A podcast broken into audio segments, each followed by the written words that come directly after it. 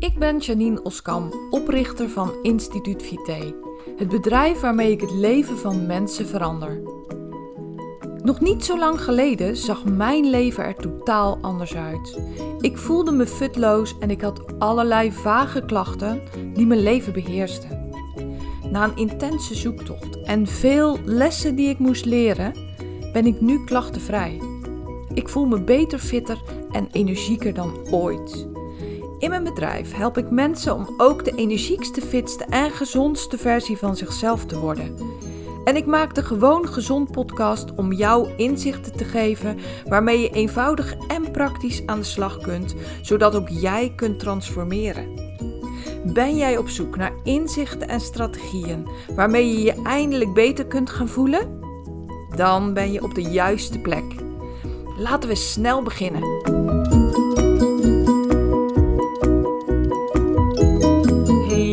Welkom weer bij een nieuwe aflevering van de Gewoon Gezond podcast. Vandaag ga ik het hebben over omgaan met teleurstellingen en sterker nog, je voordeel halen uit teleurstellingen. Iedereen heeft teleurstellingen in zijn leven. Dat kan niet anders.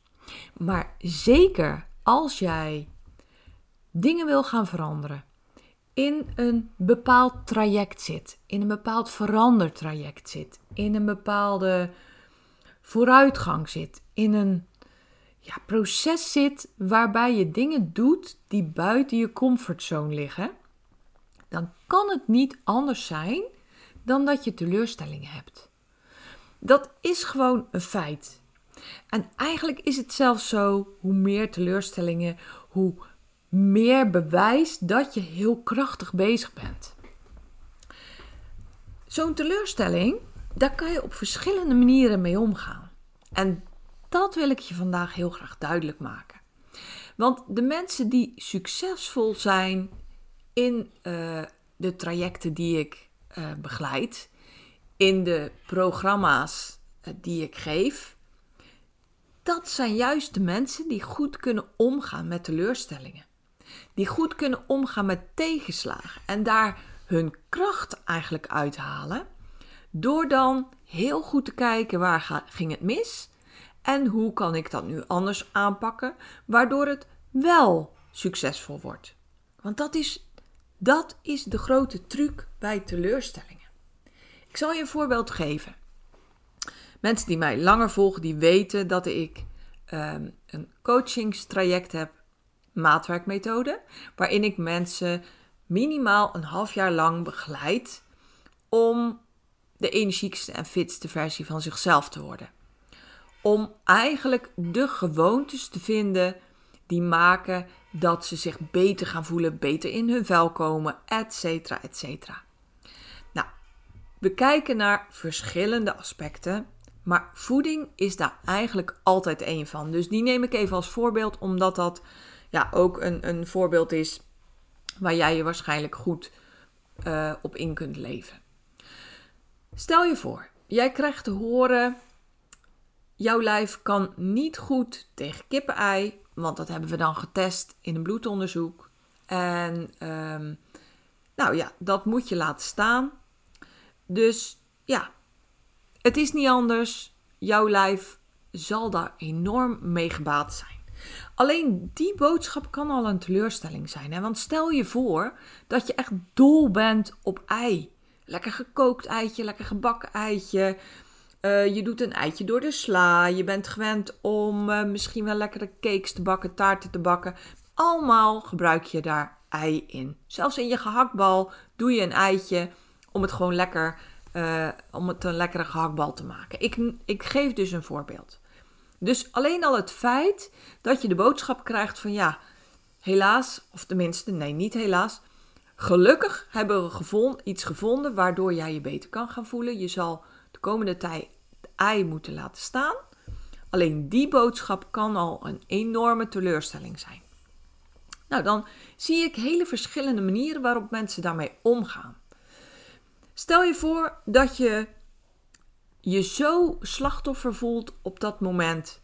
Van, oh, en ik mag geen ei meer. Wat erg voor mijzelf. Wat, Wat een teleurstelling. Ik weet niet of ik dat kan. Nou, sterker nog, ik denk eigenlijk dat ik dat niet kan.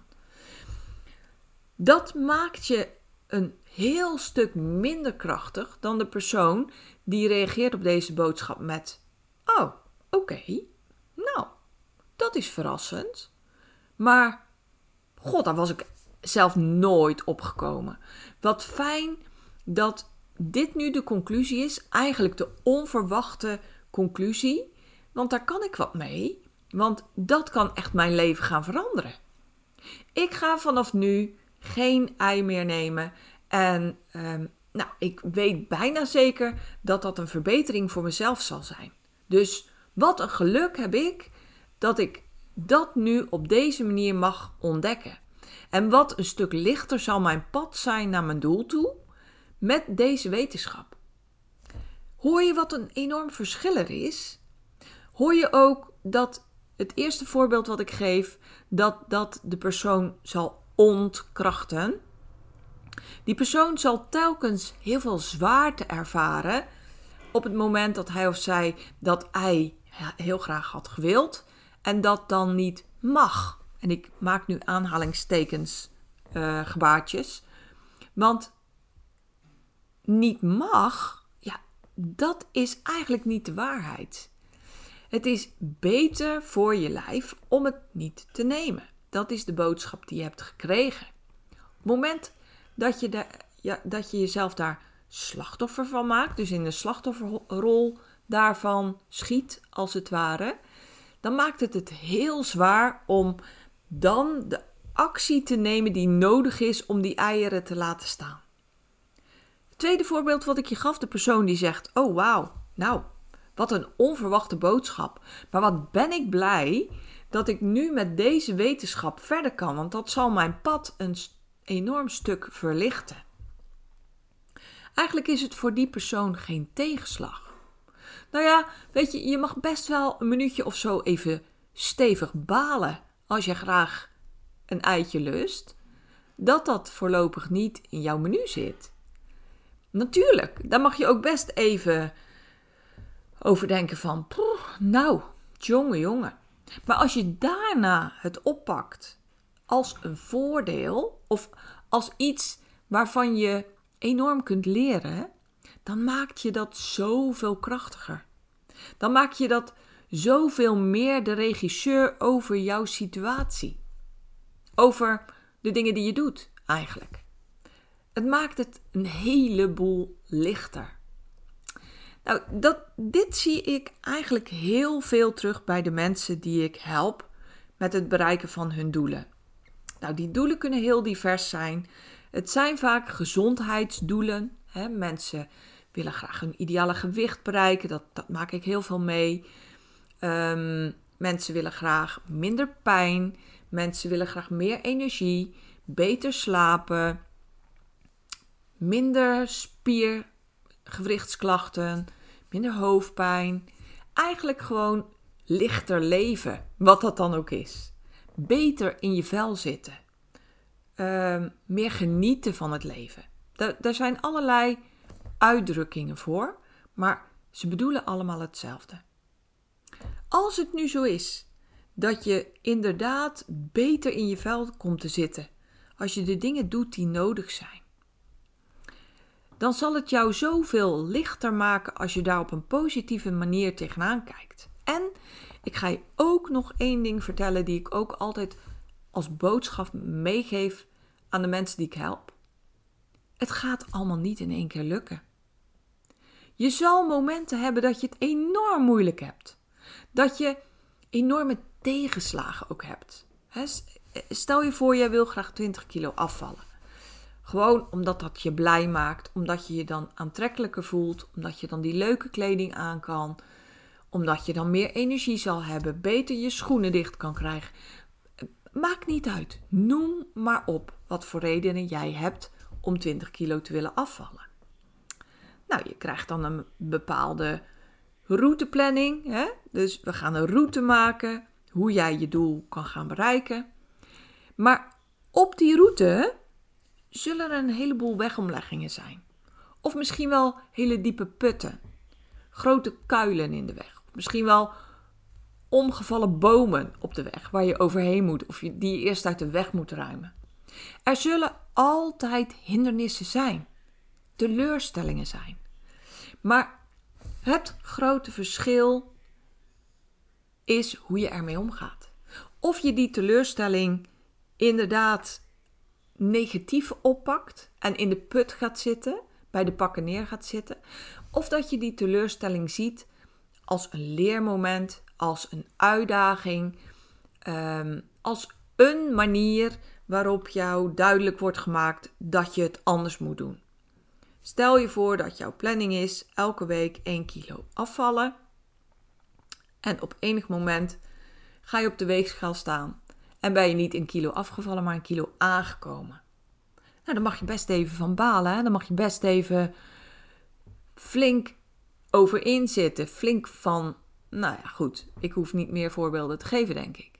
Maar na een korte tijd is het het beste als je bij jezelf te raden gaat van hé, hey, hoe is dit nou gekomen? Of dat je iemand hulp vraagt van goh, laten we er samen eens even over denken hoe dit nou is gekomen. Daarvan leert en dan ook dus weet hoe je het in het vervolg anders moet doen. Wat een verschil, hè? Als je, ik hoop dat je hoort wat een enorm verschil het is in benadering.